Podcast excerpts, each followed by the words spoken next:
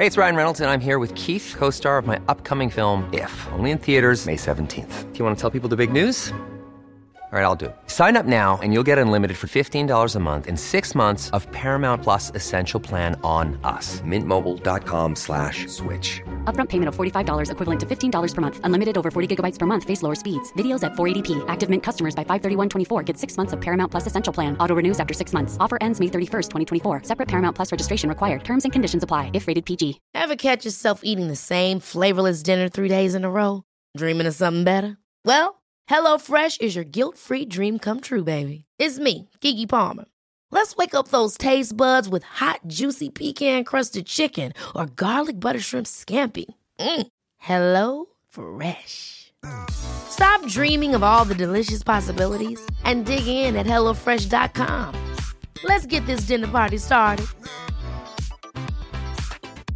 A lot can happen in the next three years. Like a chatbot may be your new best friend. But what won't change? Needing health insurance. United Healthcare Tri Term Medical Plans are available for these changing times. Underwritten by Golden Rule Insurance Company, they offer budget friendly, flexible coverage for people who are in between jobs or missed open enrollment. The plans last nearly three years in some states, with access to a nationwide network of doctors and hospitals. So, for whatever tomorrow brings, United Healthcare Tri Term Medical Plans may be for you. Learn more at uh1.com.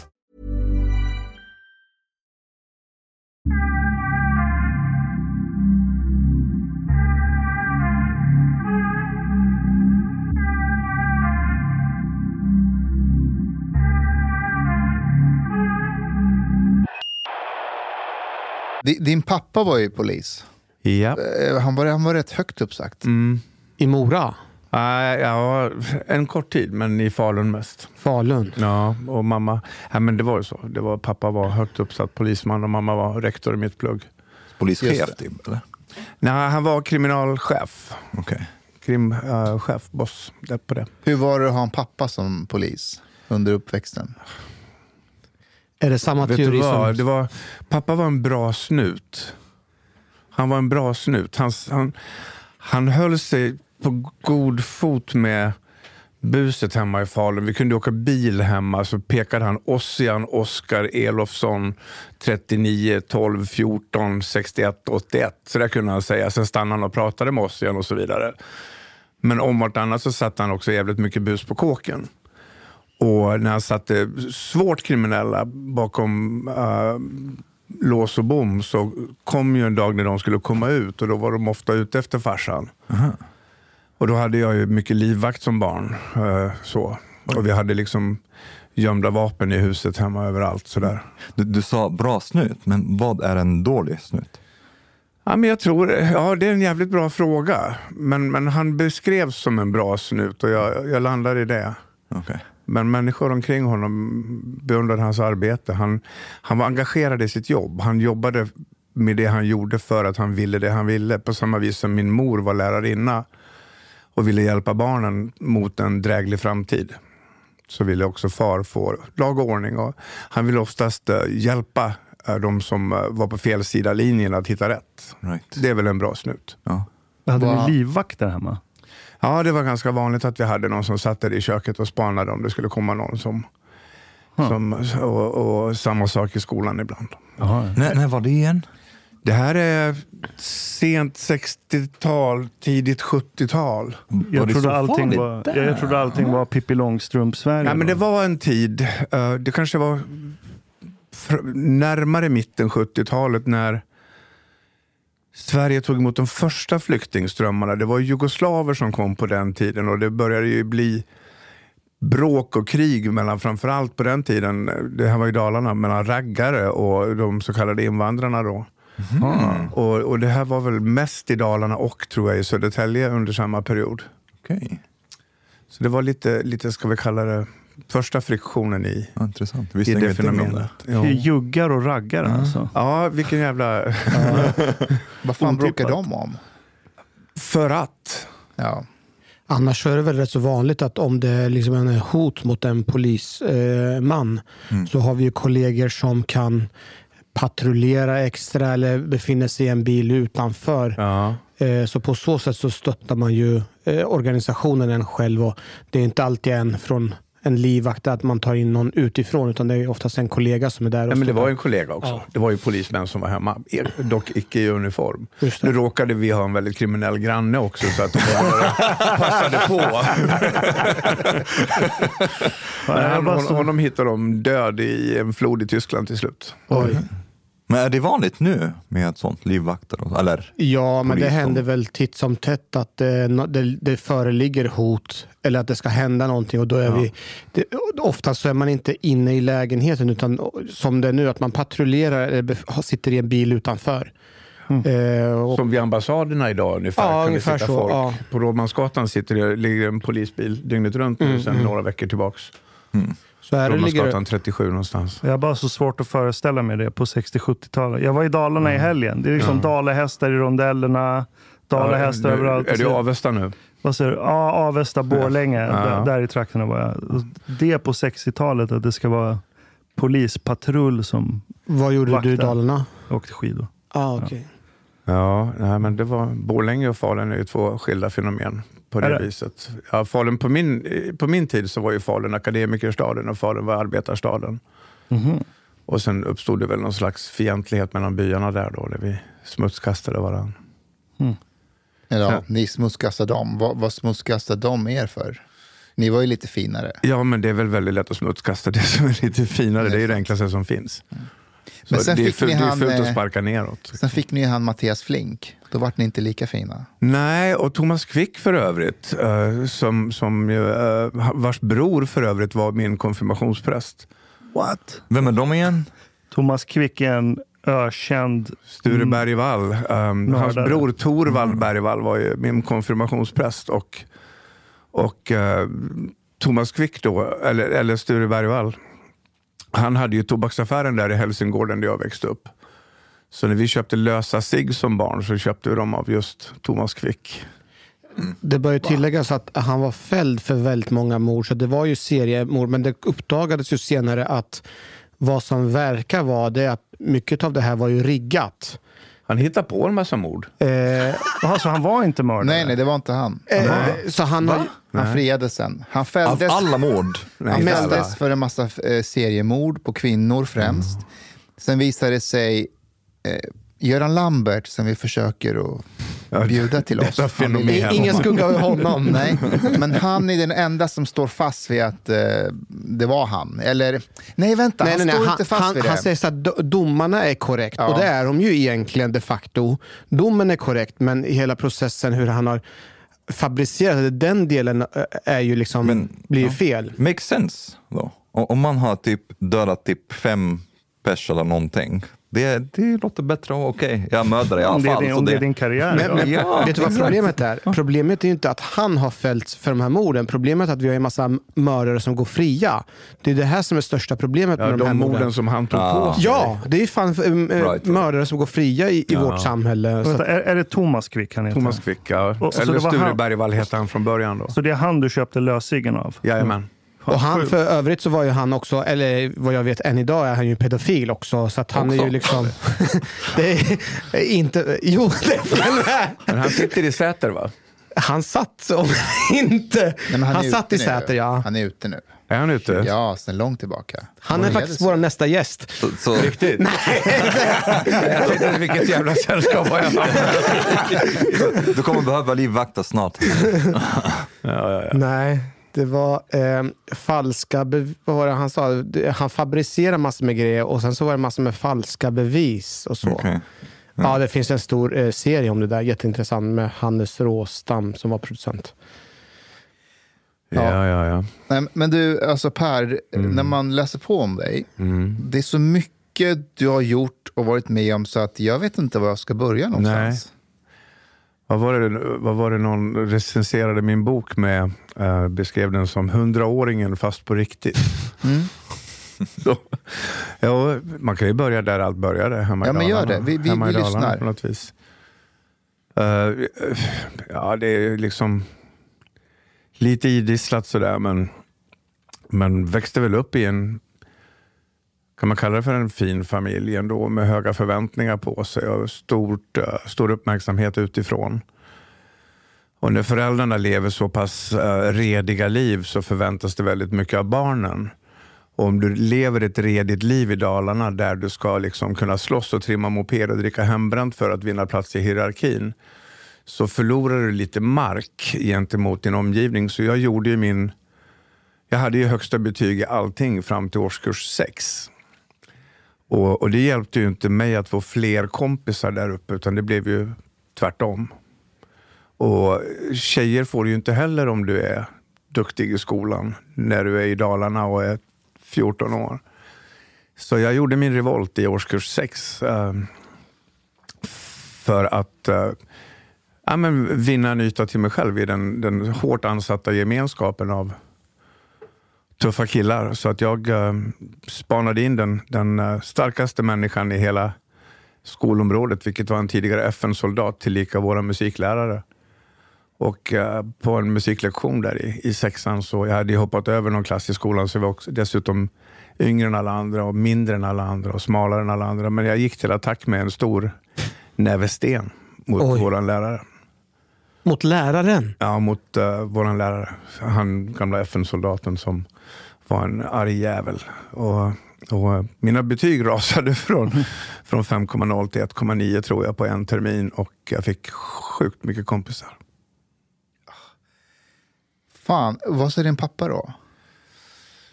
Ja, men lätt förtvivlan förstås, men det var liksom mitt sätt att berätta för min omgivning att jag ska inte bli som mamma och pappa. Utan liksom, här har ni, liksom, för att alla såg ju på mig som den duktiga pojken. Jag var ju bäst i alla idrotter och bäst i skolan och sådär. Så mina föräldrar, jag vet inte. Jag, jag gick inte hela tiden hem och berättade om saker för mina föräldrar. Till exempel när jag liksom... Jag var ju två år yngre än alla andra och, och, och när Jonas i nian då hängde mig i livremmen i någon så här klädkrok på väggen och liksom pucklade på mig. Så då kickade ju det här flockbeteendet in och alla andra fortsatte att mata på dem också. Sådär. Men det, gick, man, du går inte hem och berättar för dina föräldrar att du får stryk i skolan. Liksom. Mm. Hur länge varar kicken av att ha visat upp dig mot den här FN-soldaten och få kompisar? Nej, men den var nog livet ut kan jag säga. Jaså? Ja, än idag tror jag. Där markerar jag på något vis mitt jävla uppror. Uh, så. Att fogligheten fick liksom vika härdan.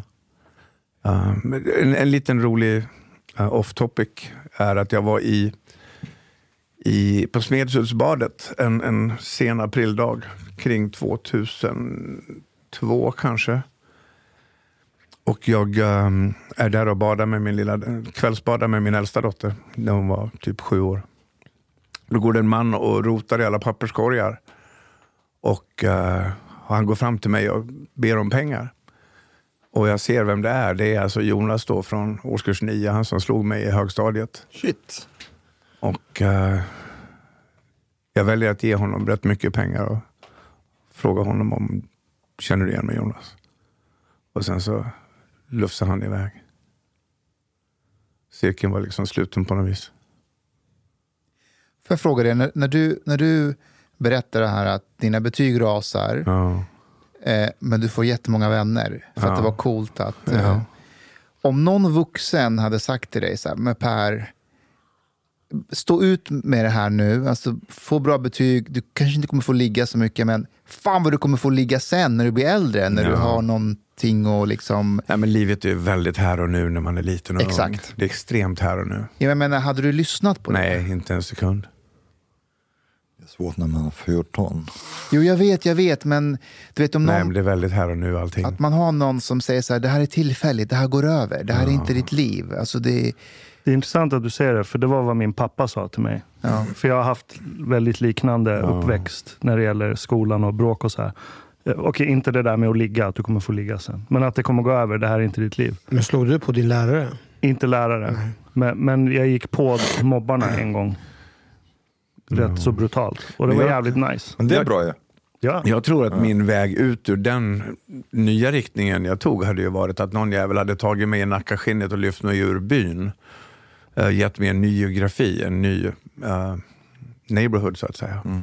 Det tror jag hade varit min lösning. Men, men Det där, gjorde ju jag sedermera också då när jag är 18-19 år gammal. Flyttade till Los Angeles och blir professionell skateboardåkare. Då får jag lämna mitt gamla Per-varumärke bakom. För alla i en liten stad tittar på dig och har ju åsikter om dig. De vet saker om dig. Det tvättar du liksom inte bara bort. Och då blir du, du blir ju det till slut. Det blir ju din identitet. Så när jag flyttade till USA så var det en, en chans för mig att liksom verkligen börja om. det här kanske låter konstigt, men är inte du tacksam för mobbarna i efterhand? Extremt tacksam. Extremt tacksam idag. Extremt tacksam. Jag försöker göra så många analyser från den tiden. Liksom, varför blev det som det blev? Det är en lyx man har när man blir gammal och man frågar sig varför är jag där jag är? Hur kunde det bli som det blev? Om man börjar titta på klassrummet, vet, på den tiden så hade vi så här statiska platser i rummet. Och vad hände med de som satt längst fram i klassrummet och vad hände med de som satt längst, längst bak i klassrummet och var, de, var är de idag? Och så här. Och, och, och jag tycker det här är sjukt intressant, men jag är tacksam för att jag fick ta några smällar på den tiden, det kan jag säga. Varför? Nej, men för jag vet att jag tar mig vidare. Jag kommer igenom, jag tar mig förbi. Och, och Dessutom så ryggar jag inte längre. Även om jag är svagare än alla andra så står jag upp och slåss. Och- Det är också en till sjuk grej att säga, men det är en sorts uppfostran på ett sätt som ingen annan kan ge dig. Men det förutsätter att du har ett tryggt hem av något Ja. slag. Annars blir du traumatiserad Ja. och fucked. Det, det finns en, en eh, typ sweet spot kanske. Om Definitivt. du blir Ja, ja. söndermobbad Ja, ja. och det, det är inte det är ett trauma. Ja, ja, ja. Men lite kan det vara. Alltså rätt så, det Ja. kan vara rätt brutalt, Mm. men inte att du blir torterad varje dag dygnet Nej. runt. Du, du, du har ju, hade du kompisar utöver de som mobbade? Ja, lite. Jag hade några. En annan kille som blev, också blev mobbad. Ja.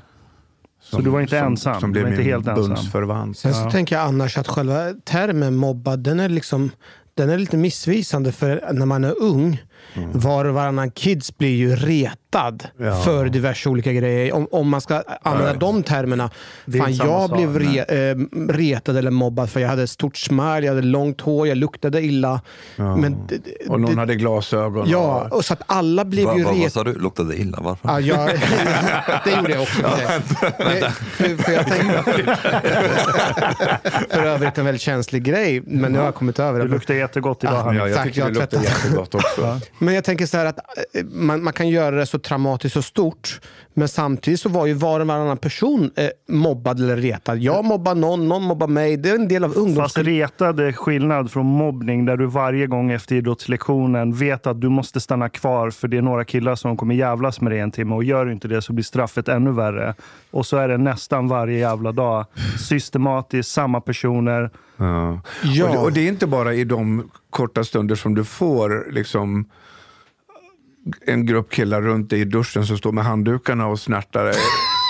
Ja, Förlåt. Den, ja, den är inte jätteovanlig. Utan det är också vetskapen om att det kan hända nu. Att du går, det, Nej, jag vet inte vad, vad Jag vet de inte vad han skrattar åt. Du, du, vet, du försöker ju lära ut till konfirmander om att man ska kunna snärta ännu hårdare Ja, ja, ja. med handdukar. Nej, men just det, ve- vetskapen om att idag så, så är jag under hot. Det betyder ju inte liksom att du bara blir utsatt när du blir utsatt. Utan det, det är stunderna emellan som nästan är värre. Japp. Ja, det är ovissheten. Ja. Men om det är bara verbalt, det kan också vara mobbning. Ja, ja. Oh, ja. Ja, det är klart. Fan, det är oftast värre när det är verbalt. Ja. Där är kvinnor rätt bra. Förlåt. Nu är de inte här för att försvara sig. Nej, det är därför jag passar på. Men det är också en annan term för att ibland så blir man systematiskt eh, misshandlad. Ja. Och sen så använder man ordet mobbning. Det är också helt missvisande. Om man, om man regelbundet utsätts för misshandel, tortyr, så har man klätt in det begreppet som mobbning. Det är också jävligt konstigt. Mobb, är inte det också någon slags grupp? va? Så Japp. kanske det är. Ja. Så du är 19 år Mm. och, eh, och du, jag minns det som att du har en flickvän, du har ett jobb, du har det rätt tryggt. Ja. Och så bara, ja men jag drar till USA. Ja. Ja, det blev lite, lite så här. Jag hade ju korsat väg med skateboarding för första gången i mitt liv och jag fick väl vara med och formge hela fenomenet i form av hela livsstilen. Med, jag byggde egna brädor och sydde egna kläder som gjorde en egen tidning och så vidare redan som 18-åring. Och, och, vi började åka och sen så någonstans så började vi fatta att vi, några av oss var ganska bra på det här.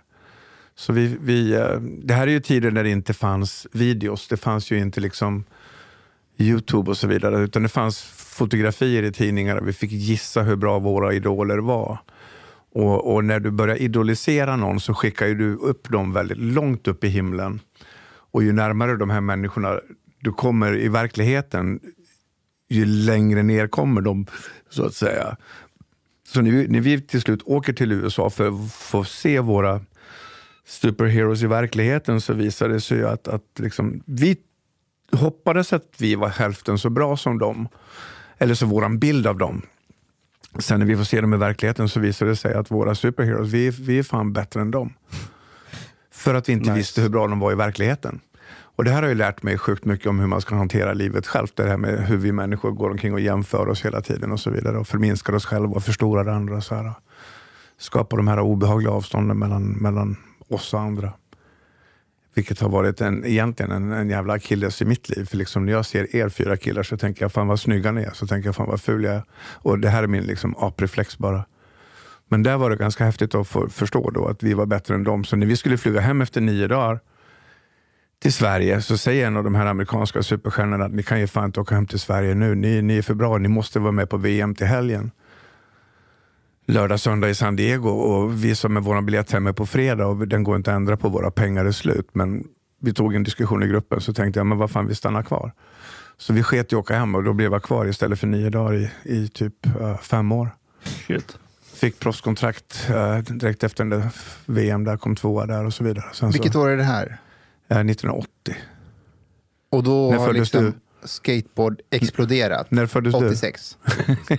man, man, vet, man vet inte, han är afghan så det kan vara vad som helst. Ja, där började det komma tillbaks. Det är så, trender kommer och går vart sjunde år och där började skateboardingen få en liten rebirth så att säga. Var Tony Hawk aktiv då? Jag har dålig koll. Ja, men han var ju liten och spenslig. Jag bodde hemma hos hans familj nere i Encinitas på den tiden en kort tid. Hemma hos Frank och Barbara och Tony och Steve Hawk. Bodde du hos Tony Hawks familj? Ja, en kort stund. Uh, Tony Hawk och jag, han har bott hemma hos mig på Bellmansgatan också. Jag kommer ihåg han och jag satt och prankringde till Uma Thurman från min lilla lägenhet från Bellmansgatan. Jag ser att det är bara jag och Hanif som inte vet vem det är. Tommy Hawk är en proffsig skateboard. Han är till och med ett skateboard. Tony, Tony, världens största skateboard. Ja, han har till och med, det, det finns väl ett tv-spel och allting. Världens ja. högst betalda influencer inom gambling. Tony? Gambling? Mm. Tony? Mm. Jaså? Mm. Spelbolagen vill ju bara rekrytera unga. Uh-huh. Och uh, det är han som gör reklamer på Super Bowl och så vidare. För, för gamblingaspekten ja, av Super Bowl? Huh. Mm. Men, men, eh, men ändå en god vän till mig. Men är du den första proffsen i Sverige när det kommer till skateboard? Jag är den första professionella åkaren i USA. För Sverige. Från Sverige, ja. Okej. Okay. Men det, det fanns någon som inom citationstecken var professionell i Sverige innan. Men som USA-proffs, ja. Och när man är proffs, vad in, alltså, gör man tricks? Eller, det finns väl olika grenar inom skateboard? Eller? Ja, alltså proffs betyder ju mer eller mindre att, att, att, att, det är en profession, det är ett ja. jobb. Du får betalt. Du, du får tjäna pengar, du får en lönecheck på tävlingar. Det får du inte som amatör. Nej. Jag hade en signaturmodell där, där min uh, sponsor då säljer min signaturmodell och jag får 2,5 dollar per styck. Mm. Och vad, när man är skateboardåkare, då gör du tricks? Man gör en jävla massa trick ja. och sen så får man bedömningar på det. och sen så, ja. Blev man rik på det då? Nej, nej inte, inte pengarik. Men det är ju inte det viktiga. Fick du nej. ligga mycket? Jag, jag, var inte så jävla intresserad om jag ska vara helt ärlig. Det, skateboardingen var en större kraft än, än kvinnor. Wow, uh, som ja. 19-åring säger du det Ja, och det, det, kan jag säga, det går nästan för alla killarna från den tiden. Life is full of what ifs. Some awesome. Like what if AI could fold your laundry? And some, well, less awesome. Like what if you have unexpected medical costs? United Healthcare can help get you covered with Health Protector Guard fixed indemnity insurance plans. They supplement your primary plan to help you manage out of pocket costs. No deductibles, no enrollment periods, and especially no more what ifs. Visit uh1.com to find the Health Protector Guard plan for you. Life is full of what ifs. Some awesome, like what if AI could fold your laundry?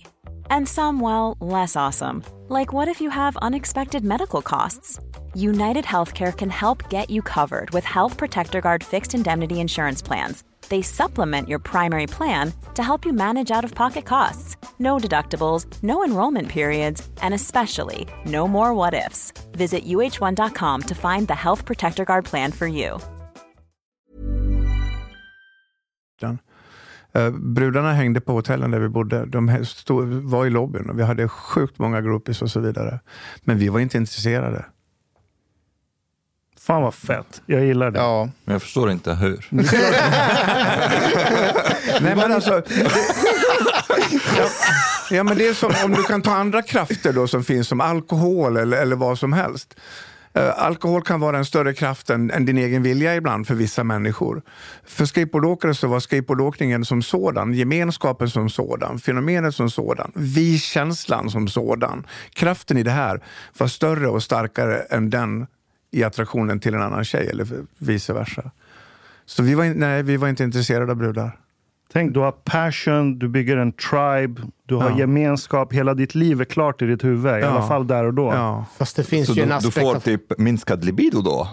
Nej, mer, men du kanaliserar libidon till att uppnå någonting som är bortom vad du tror att du kan klara av. Det, det är större. Men, men oftast är det tvärtom. Om du klättrar upp i hierarkin. För olika blir... är det olika. Det är... Oftast, oftast. Det är, om du äh, klättrar upp i hierarkin du tenderar att ha fler kvinnor, inte, inte färre kvinnor. Sen jo. kanske. Mm. Ja, och, och, så är det ju givetvis. Det var ju liksom de coolaste proffsen, de som vann tävlingarna, var snyggast och, och hade bäst kläder och så vidare. Det var ju de som hade flest groupies omkring sig.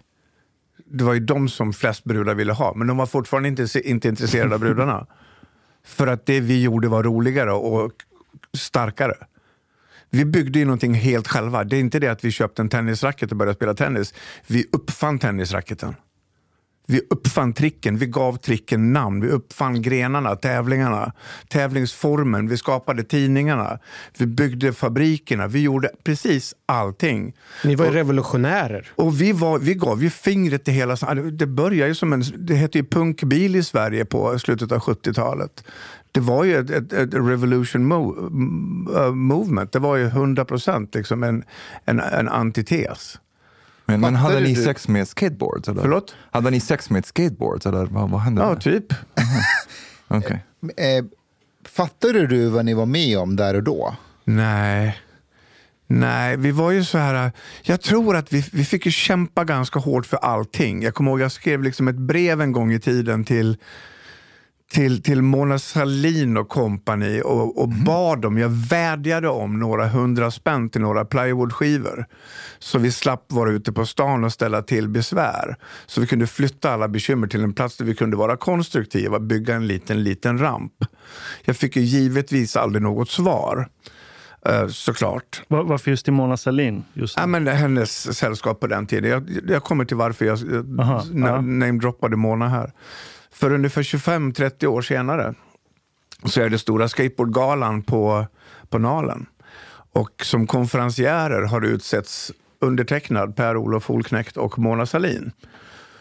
Och då hade jag den stora äran då att inför sittande publik berätta just den här sagan om att nu står då våra vårt rikes ledare här och slår sig för bröstet över att man har gjort sig för mycket för ungdomarna. Och jag fick då med, med tydlig ton berätta att det här har vi gjort helt själva. För du Mona, du var en av de som ratade mig när jag bad om några hundra spänn till plywood för 25 år sedan. Den kändes. Så, vad sa hon efteråt? Då? Hon... Nej, men alltså, hon har inte tittat på mig på någon premiär eller någon gala eller någonting överhuvudtaget. Så att där följer jag. Jag ska säga, jag har ju, allt det här som du berättar, jag har läst eh, om dig i din bok som ja. du skrev tillsammans med Markus Lutherman. Ja, just det. Eh, han var ju eh, medförfattare när vi skrev bok också. Så det, var, det är en jävligt bra bok. Jag rekommenderar alla att köpa din bok. Eh, ja. Vad hette den? Kommer du ihåg den? 1960 till 2014. Den är svår att memorera. Ja. Den skulle först heta Jag ska visa de jävlarna. Mm. Det är en bra titel. Men de ville, eh, Norstedts ville inte ha en negativ titel. Va? Va? Nope. nope.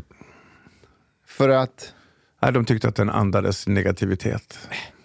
Det det Men om jag känner eh, Per rätt, rätt, då skulle du sagt jag ska visa de jävlarna och gått till ett annat förlag Ja, egentligen. och ha den titeln. Ja, men jag fick spendera otroligt många timmar vid sjön där i, utanför Arboga med Marcus, vilket var... Och jag käkade ugnspannkaka. Det var en viktig tid för mig. Han är en bra man. Men okej, så nu är du i USA och Ja. liksom eh, lever livet där. Ja, lite grann. Alltså, jag, jag fick ju sparken i lumpen hemma. Lite grann eh, dålig, dålig soldat med flit lite grann. Men jag, jag fick, som första rekryt från I13 så blev jag avskedad därifrån. Och, Vad, vad hade du gjort? Nej, men jag fick vitsordet följande. Holknekt ner en usel soldat men en utmärkt kamrat. Och sen blev jag pekad därifrån. och det var ju det finaste jag kunde få höra. Liksom. Så när de åkte upp på stor så här, bataljonsövning uppe i Norrbotten så stack jag till Kalifornien och åkte skateboard. Och så kom jag dit. Och sen så, en skötsam kille, relativt. Gillar att festa sådär som grabbar gör i den åldern, men liksom skötsam. Jag kände till, vi lärde känna många människor där borta och det, det, det fanns ju liksom det florerade droger och så vidare. Framförallt så rökte folk på på den tiden. Men jag var så, jag var så här hårdnackad, för jag är från Dalarna, jag är från Falun. Farsan var polischef. Jag var fostrad till liksom att knark är fult. Det gör de bara i Stockholm. Och går du över Sergels torg då får du en spruta i armen, sen är du knarkare resten av livet. Och så där låter det där uppe. Så jag släppte inte ens in folk hemma om jag visste att de ja, drogade vid sidan om. Jag menar om Det det, är det här var jag- weed. Nej, inte ens det. Det är det här jag menar med att den svenska kampanjen mot, alltså mot droger, man säger knark är bajs, det har varit otroligt effektivt för svenska ungdomar. Det var så fortfarande när jag gick i skolan Ja. och var liten. Ja. Det var faktiskt en rädsla jag hade när jag åkte tunnelbana ibland. Så tänk om någon knarkare kommer och trycker in. Ja, ja. Nej, alltså, man kan skratta jag åt det, men det är sant. Det, det, det, jo, det här har de lärt oss. ja, det spreds en myt, eller en myt att förr i tiden, om du åkte Det är en myt. Det är, Ashkan säger det är en myt. Nej, nej, nej, men alltså det spreds att om du gick på tunnelbanan så kunde heroinister komma och spruta det med knark och så blev du beroende och så var du tvungen att söka upp dem och köpa från dem. Ja. Det här, det är en myt. Det är en Och så, myt, och så gjorde de Det- reklamfilmer mot narkotika. Det, det låg någon, då man målat dem vita i ansiktet så kom det rakblad och råttor ur munnen på dem. På riktigt. Det Alltså på funkade. riktigt. Alltså, man det kan finns skratta, ju ett men- problem här och det kan jag avslöja redan här och nu. Att vad, vad, vad anbelangar just narkotikan. Det farliga med narkotika det är inte att den är hemsk, det är att den är ganska lovely. Det är det farliga med narkotikan. Det är att den är ganska nice. Mm. Men den har en dolk bakom ryggen. När vi, om vi nu ska avfärda de gamla myterna. Men när du kommer till USA där, där har man en helt annan syn på droger och sådär. Ja, vart, vart, mycket. du, vart du chockad? Ja, lite grann. Det var så eh, att det var så pass liberalt. Att liksom folk inte satt och undrade vad fan de höll på med. Vilket jag gjorde när folk liksom började ta upp en spliff. Liksom. Men, men, Hur ofta sa du så här, but in Sweden, we... ja, men det, det, Jo, men nog återkommer jag till det. Det är klart, för när man är utomlands, man är ganska stolt. Man är ju stoltare över Sverige när man är utomlands än när man är här. Japp. Right. Ja, det känner jag igen. mycket stoltare över Sverige när man är borta. Så nog har man skönmålat Sverige där. Det har man gjort. Och sen så kom det sig då att efter ungefär fyra och ett halvt år i USA så blev jag kär till slut i en tjej som heter Kim som var jävligt destruktiv. Snygg och destruktiv är jävligt attraktivt för mig. Tyvärr. Um, så. Så att, eh, men, men sen så kom det sig att samma dag som hon eldade upp sin familjs kåk. Vänta, va? Oj. Förlåt? Vad gjorde hon? Hon eldade upp familjens eh, villa i Manhattan Beach. Eh, pappan, hon var arg på sin pappa för att han var, hennes pappa var eh, tränare för amerikanska OS-landslaget i vattenpolo. Och så visste Jag hon... förstår att de blev arg då. Ja, Ja, jag hade jag också blivit. Men då hade hon blivit jättearg på honom och så visste hon att hans eh, coachingpapper fanns någonstans i huset men hon hittade dem inte. Hon ville bränna upp hans papper så då brände hon upp hela kåken istället. Det var inte en red flag för dig? En liten. och sen, sen, åkte jag, sen, åkte jag, ja, sen åkte jag hem till Sverige en kort resa och kom tillbaka. Eh, och sen så sa hon att hon hade fått gonorré. Och så sa jag, men vi har inte legat än. Ah. Och sen då, en, nu, nu, nu kommer då, nu kommer stora trumvirveln. Sen en kväll så sitter jag då i ett av de här ljusblå livvaktstornen på stranden och månen slår en sån kägla i vattnet upp mot eh, sanden och där ser jag då Kim, min, min så kallade flickvän, ligger och rullar runt och hånglar i vattenbrynet med en annan man. Nej. För övrigt svensk man som dessutom heter Torsten. Ja, det gjorde inte saken bättre. Och, och, och då och då på mansvis så beslutar jag mig för att jag ska straffa den här kvinnan. Helt rätt. Och jag ska straffa henne genom att skada mig själv. Och visa henne hur illa hon har gjort mig. Mans eh, retorik eller vad fan det heter. Så jag, eh, jag tar knark. Jag tänker, fan jag ska knarka och visa dig vad fan hon har gjort med mig. Så jag köper ett kvarts gram kokain och eh, det här är i augusti eh, 1984. Hur gammal var du då? Eh, jag är 24. Och eh, det där lilla kvartsgrammet som jag då bara skulle straffa henne med, så att hon skulle förstå, uh, slutar med att jag tre månader, tre månader senare så är jag liksom uppe i Beverly Hills med en revolver mot tinningen och uppe och köper halvkilon. Liksom. Och sen så, mot en man som för övrigt hade en license plate på bilen som det stod LB på. Vilket betyder pounds. Han sålde ingenting mindre än ett halvkilo. Och, och, och då förstod jag att mitt liv höll på att börja kuka ur helt. Det började verkligen tappa riktning. Kokain var din grej. Ja, men sen så blev det lite mer uh, än det. All, jag har inga hål i mina vener, men jag har nog provat allt annat.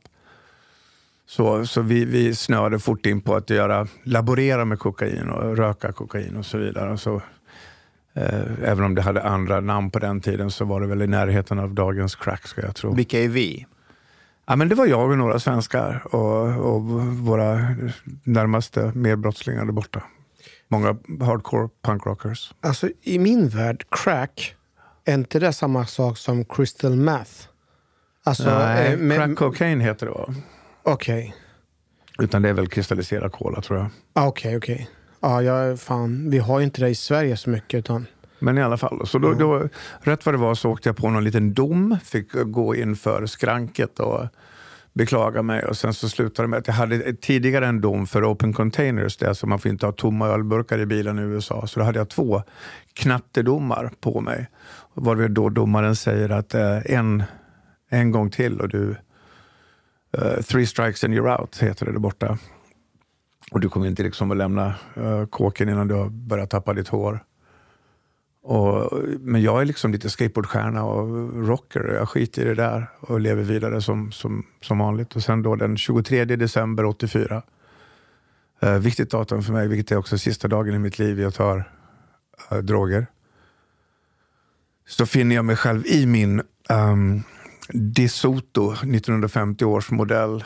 Eh, uh, bil full med fem, sex ungdomar till, fem på morgonen.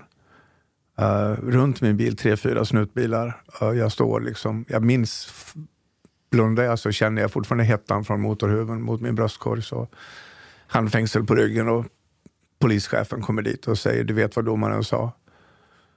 Så, uh, och jag börjar liksom klarna till omedelbart och fattar att nu, nu är jag rökt på riktigt. Och då går larmet på polisradion att en kvinna har blivit skjuten två kvarter bort. Och man släpper mig.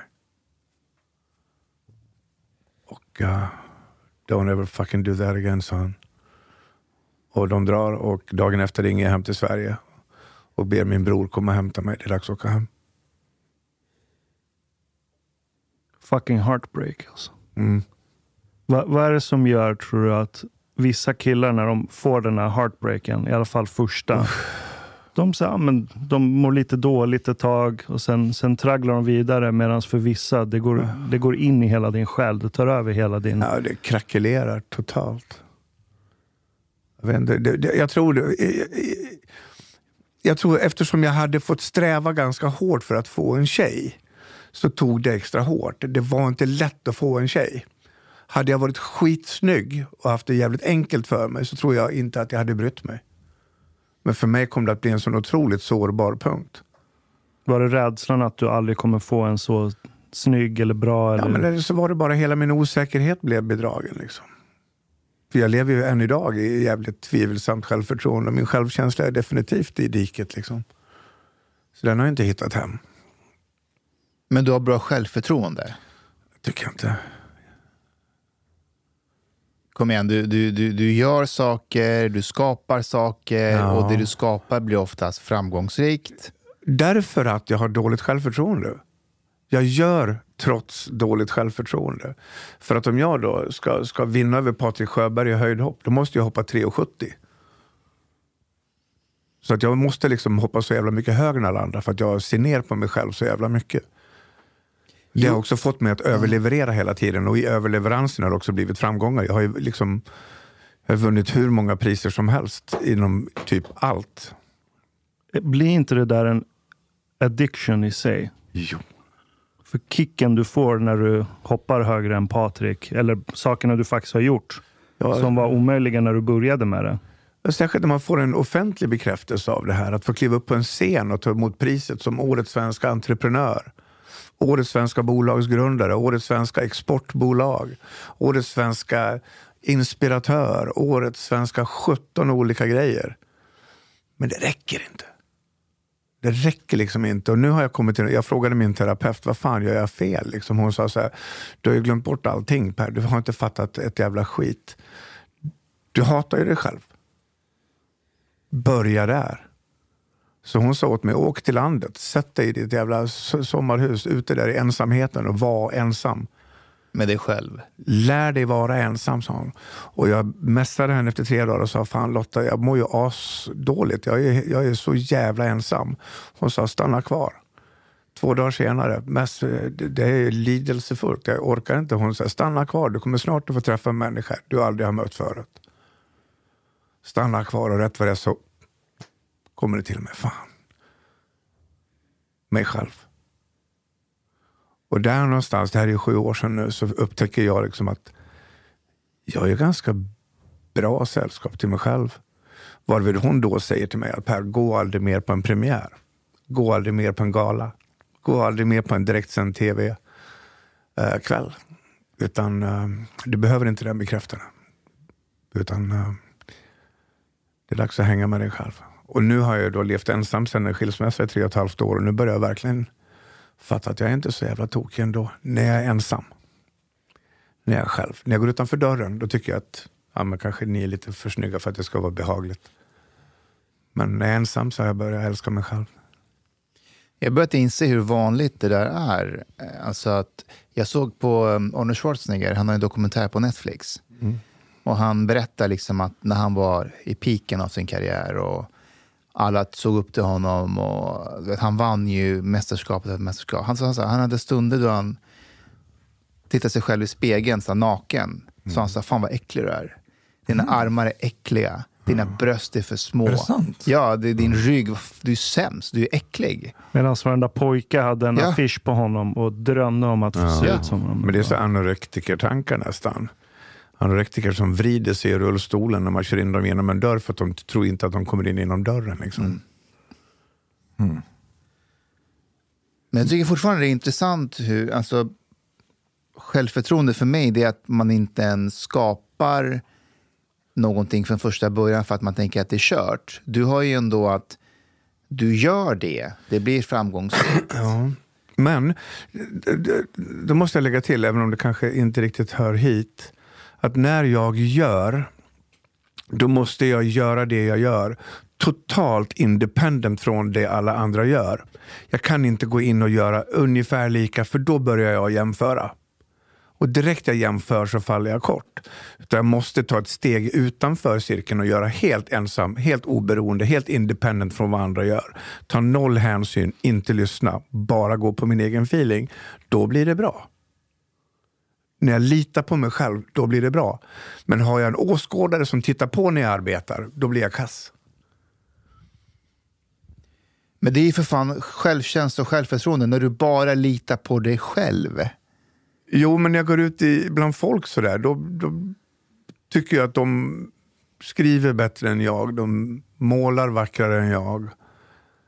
Det, inte, det handlar inte bara om liksom mig själv, utan det handlar också om vad jag... Det är ju, människan är ju två ting. Vi är ju den vi är och det vi gör.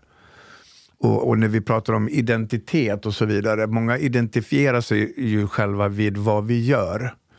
Vi sitter på en middag med främmande människor och så frågar någon så, och vem är du? Jo, jag är doktor, eller jag är advokat, eller jag är lärarinna eller sopkörare. Men det är inte den du är, det är vad du gör. Vem är du då? Ställ den frågan till mig på en middag. Fan, har du tid på mitt svar? Liksom.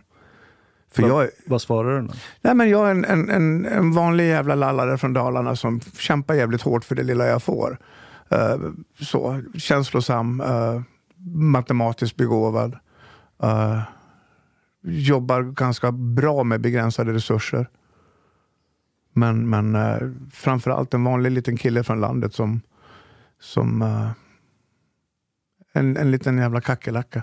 Någonting jag märker är att, för du har ju haft liksom, en bakgrund med missbruk och allt sånt där.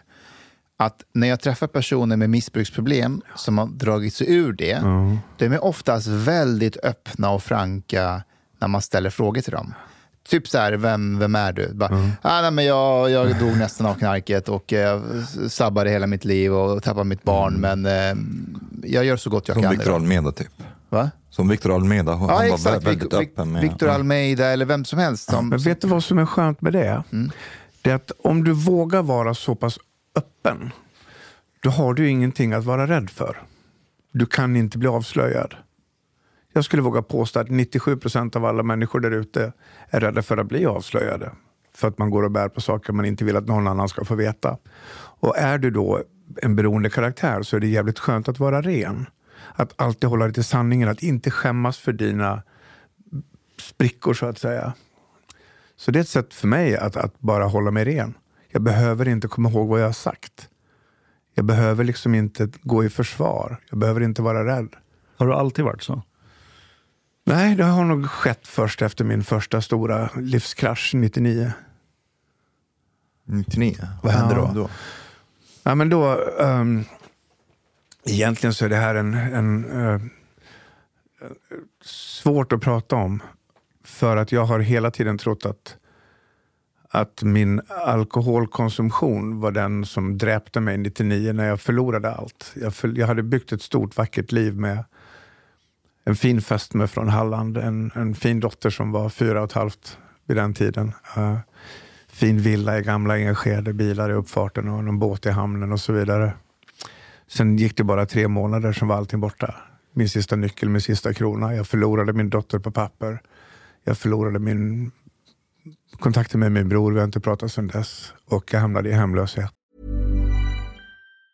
Ever catch yourself eating the same flavorless dinner three days in a row? Dreaming of something better? Well, hello fresh is your guilt-free dream come true, baby. It's me, Gigi Palmer. Let's wake up those taste buds with hot, juicy pecan-crusted chicken or garlic butter shrimp scampi. Mm. Hello Fresh. Stop dreaming of all the delicious possibilities and dig in at HelloFresh.com. Let's get this dinner party started. Planning for your next trip? Elevate your travel style with Quince. Quince has all the jet setting essentials you'll want for your next getaway, like European linen, premium luggage options, buttery soft Italian leather bags, and so much more. And is all priced at 50 to 80% less than similar brands. Plus, Quince only works with factories that use safe and ethical manufacturing practices. Pack your bags with high-quality essentials you'll be wearing for vacations to come with Quince. Go to quince.com/pack for free shipping and 365-day returns. Imagine the softest sheets you've ever felt. Now imagine them getting even softer over time. That's what you'll feel with Bowl and Branch's organic cotton sheets. In a recent customer survey, 96% replied that Bowl and Branch sheets get softer with every wash. Start getting your best night's sleep in these sheets that get softer and softer for years to come. Try their sheets with a 30-night guarantee. Plus, get 15% off your first order at bowlandbranch.com. Code BUTTERY. Exclusions apply. See site for details. Så att gå från liksom fina hemmet hemma i Dalarna till att bo i skogen utanför Stockholm, det var ett hårt fall. Men hur hamnade du på toppen först?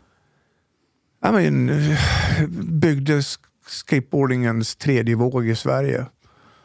Uh, var etta på bollen på den och gjorde en, en god affär, god ekonomi, hade jävligt roligt längs vägen. Och sen så har jag hela tiden idag, jag har ju länge pratat om, även så i boken, om att det var alkoholen som dräpte mig där i slutet på 90-talet. Men det vet jag idag att det var det inte alls. Jaha. Och det är första gången jag berättar om det här och nu. Jag kommer fram till att det var, det var mitt spelberoende som, som uh, vräkte mitt liv på ända redan 1999. Var det det ekonomiska i spelberoendet eller var det att det ändrade dig som person? Spelberoendet ändrade allting i mitt liv. Uh, jag tog avstånd ifrån... Uh, jag, jag, men jag levde i ett parallelluniversum. Jag, jag tog inte längre ansvar i, i, i mitt löfte till mina partners i företaget. När pengarna var slut så började jag låna pengar av företaget som sedermera gick i konkurs på grund av mig. Och uh, det här är en sån enorm sorg i mig. Som jag nu börjar få ihop uh, pusselbitarna. Så. Vad var det för sorts spel då? Ja, då var det ju inte online. Nej. Utan det var väldigt mycket, jag hängde på travbanorna väldigt mycket. Jag hängde med en kille som heter Dragan Joksovic ute på Solvalla. Vi hade våra, våra namn i mässingsplaketter på dedikerat bord i kongressen. Han blev ju sedermera skjuten där. Ja, just det. Ja, Jokso. Stor, snygg jugge. Det är ju ett känt fall. Ja. Vad tyckte din pappa om att du hängde med honom? Han inte, hade inte en aning. Nej. Det är så den där världen, den vill du inte berätta för någon om egentligen. Den är ju liksom ditt allra heligaste gift. Så det vill du aldrig riskera att förlora. Och det Problemet med spelberoende är att du kan ju liksom inte se på en människa att den är spelberoende. Så det är helt omöjligt. Va, va, va, varför det? Ja, men om någon är beroende av brännvin så ser du att människan är full. Men du kan ju liksom, jag var gift med en kvinna i sju och ett halvt år. Spelade mer eller mindre, hade levande spel mer eller mindre 24 timmar per dygn de senaste fem åren. Hon hade inte en aning. Inte en susning i universum. Men jag tänker ändå att eh, visst, det fysiska och sånt här märks inte, men, men märks det inte att om man är spelberoende är man inte väldigt mycket, tänker man inte på det hela tiden? Man Ja, behöver du är- pengar också. Du är extremt frånvarande. Det är det jag menar. Märkte inte hon att- Emotionellt frånvarande. Emotionellt frånvarande. Men du spelar upp dina charader för att delta. Men du är inte där. Så. Men märk, märkte hon inte att du var borta vid travbanan hela tiden? Och så? Nej, men det var ju på den, idag är ju ett spel idag, 2024 eller 2010, 12 när jag var som mest aktiv. Det är ju snabba kickar online. Det är snabba. Spelen är 15, 20, 40 minuter, 15, 30 sekunder mellan. Travet på Solvalla var varje onsdag. Du fick snällt gå och Aha. vänta en vecka. Så. Såvida, såvida jag inte åkte till Örebrotravet då. Jag åkte, jag åkte till Örebrotravet och satte jättemycket pengar på en häst och åkte hem. Så kunde jag göra. Och det där går ju att säkert klä in som att nej, jag är hästintresserad. Ja, jag, gud, ja. jag bryr mig om hästsport. Och det är inte det att du berättar för folk att du spelar om stora pengar. Utan jag gör det för att det är kul. Hur mycket handlar det om då? Men på den tiden så var det 100 procent, brukar jag säga. För att om jag pratar om volymer i pengar och spel så är det inte relevant tycker jag. För att jag, jag, jag har ju fått säkert nio brev idag från kvinnor och män som skriver till mig jag har spelat bort allt, jag är förtvivlad. I vissa människors fall kan det här vara en miljard, i vissa människors fall kan det här vara 4 000 spänn. Så att det, det- det är 100 procent. Och lite till då eftersom man går in på otillbörliga krediter så att säga. Men jag, får, jag, jag, jag har ju fått brev idag. En kille skrev till mig i morse, Per, nu vet jag att jag måste tyvärr berätta det här för min familj och jag kommer att åka i fängelse. Och jag vet inte om jag pallar det här. Jag tror att jag har mitt liv. Jag får ju precis varje dag. Och det är tufft att bära. När de lägger sina liv i mina händer. Så, den, är, den är mig lite övermäktig. Jag, ska, jag, jag har ju rättegång nu 16-17 januari. Jag har bokat min terapeut till den 18 för att kunna landa nu till slut. Kan du berätta om rättegången? Vad är kontexten och vad, vem är emot och vem, är det du har anmält? Nej, men om, om vi nu går in och gräver i vad som hände efter det. Att jag, jag reser mig ju efter 99-kraschen. Jag bor ju i skogen, jag är hemlös. Jag säljer Situation Stockholm i Kristineberg och jag lyckas till slut få, få eh, kraften eh, till att be om hjälp. Vilket är någonting som män inte är jättebra på. Vi är lite för stolta för det där. Men jag vågar be om hjälp och jag får hjälp. Jag, jag, jag ges en möjlighet att gå i en behandling via socialtjänsten i Sandsborg. Och kort därefter så får jag ett jobb och kort därefter så startar jag ett litet företag och fem år senare så står jag i New York och ringer börsklocka. Och har byggt ett bolag som är miljardvärderat sex år efter hemlöshet. Det är jag jävligt stolt över att jag har lyckats. Var det Odd Molly? Ja, precis. Men i anslutning till det så började jag också göra jävligt mycket pengar. När man börsnoterar så måste du släppa en del av ditt kapital alltså aktiekapital till free float som det heter. Och då får jag, jag kommer ihåg när min eh, styrelseordförande han ringde mig, jag satt på Arlanda, var på väg till Chicago. Han ringer mig på Arlanda och säger han, Per gå in och kolla på ditt konto. Jag var ju van vid att ha 2, 14, 24 000 på kontot. Så går jag in och så kollar jag bankkontot och så sitter det 48 miljoner på, på, på kontot. Mm. Så, sen så hann jag väl då över, över uh, sju års tid spela väl bort i storleksordningen 100 miljoner ska jag tro. Och uh, jag tänkte ju liksom, jag tänkte ju som att uh, ja, men jag satsade pengar, jag förlorade, skyldig själv. Uh, idag har jag ju då, jag blev kontaktad av en man för fyra år sedan. En, som själv var hård spelmissbrukare en gång i tiden och som blev räddad från att ta sitt eget liv. Och vi som har levt i, det här, i den här världen, vi har också en möjlighet att kunna identifiera samma problem i andra problemspelare.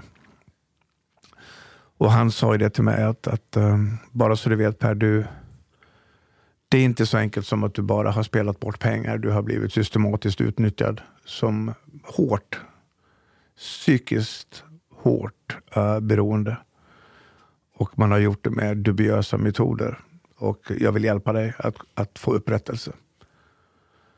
Och uh, där någonstans då för tre år sedan så beslutade vi oss för att eh, efter ganska lång tids efterforskning så eh, skicka in en stämningsansökan till Stockholms tingsrätt mot eh, den största aktören av alla, Unibet, som representeras av ja, Glenn Hussein och kompani. Men, men det, är, det är lite svårt det här. Jag, jag tänker att är inte alla som, som spelar sådana spel mm. är på något sätt spelberoende? Vem annars spelar sånt? Jag kan säga så här att det finns människor som kan köpa en Bingolott och sitta och spela och ha lite trevligt en söndag. Det finns även de som kan lämna in, som håller på Liverpool och kan sätta 100 spänn på Liverpool för att matchen ska bli lite roligare. Så finns det de som inte spelar för att vinna pengar utan för att vinna spelkapital. För att du vill få en starkare och hårdare fix. Ju, ju mer du vänjer dig vid din drog så måste du utöka dosen så att säga. Du, blir ju, du är ju paralyserad. Du är fullkomligt, fullkomligt trasig av ditt spelmissbruk. Jag använde uh, parallellen anorektiker här tidigare. Man har ett sinnelag som, som bor nästgårds med anorektikern. Du har ingen aning om vem du är längre. Du har tappat förståndet. Och, och, och, och det vi då, som i mitt fall, just Unibet, jag har spelat hos 32 olika bolag med 30 olika kreditkort samtidigt. Men i fallet Unibet då så, eh, jag spelade ju fram till 2015 hos dem. Eh, så på den tiden så, så fanns det något som heter lotterilagen. Och lotterilagen är då till för att skydda konsumenten.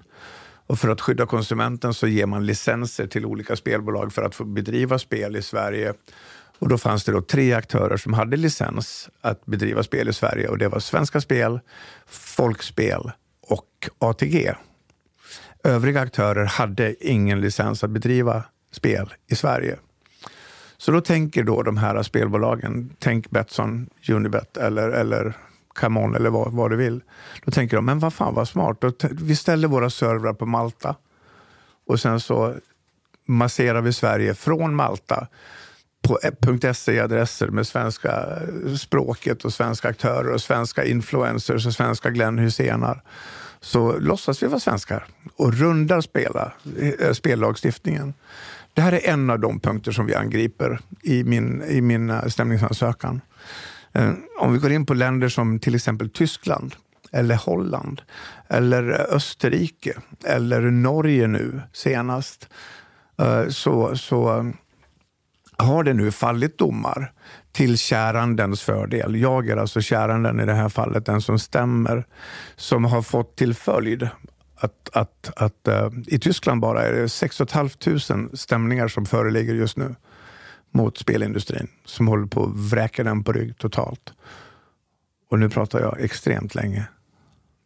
Men, men hur ser du på eget ansvar i den kontexten? Det är en väldigt, väldigt bra fråga. Och, och min första apreflex var ju den att jag får ta ansvar för mina förluster. Det är mina beslut. Men när man är i ett sinnesförändrat tillstånd där det inte längre fattar förståndiga beslut. Det här är en, alltså en per definition sjukdom i, i, eh, enligt alla ja, vetenskaper idag. Likt anorexin, där du inte längre äger förmågan att fatta kloka beslut. Som en, vi, ska vi kalla det för en dement person som inte längre kan tänka klart och riktigt. Så, så mot bakgrund av att det här är en, en sjukdom som är, i mitt fall, psykiskt extremt ohälsosamt. Så om, om, om spelet för mig till en brygga på Ingarö 2012 där jag sitter ensam med två helrör Koskenkorva och ett nyss inköpt hagelgevär från Eskilstuna. Helt redo att ta mitt liv. Det, det, det är också ett eget ansvar att ta mitt liv i det fallet. N när jag eh, hörde dig prata om det här första gången ja. och att du började stämma spelbolagen. Ja. Då tänkte jag precis som Omar, så, fan är det här? Alltså eget ansvar. Du, du har valt att spela ja. och sen ska du stämma bolagen. Mm.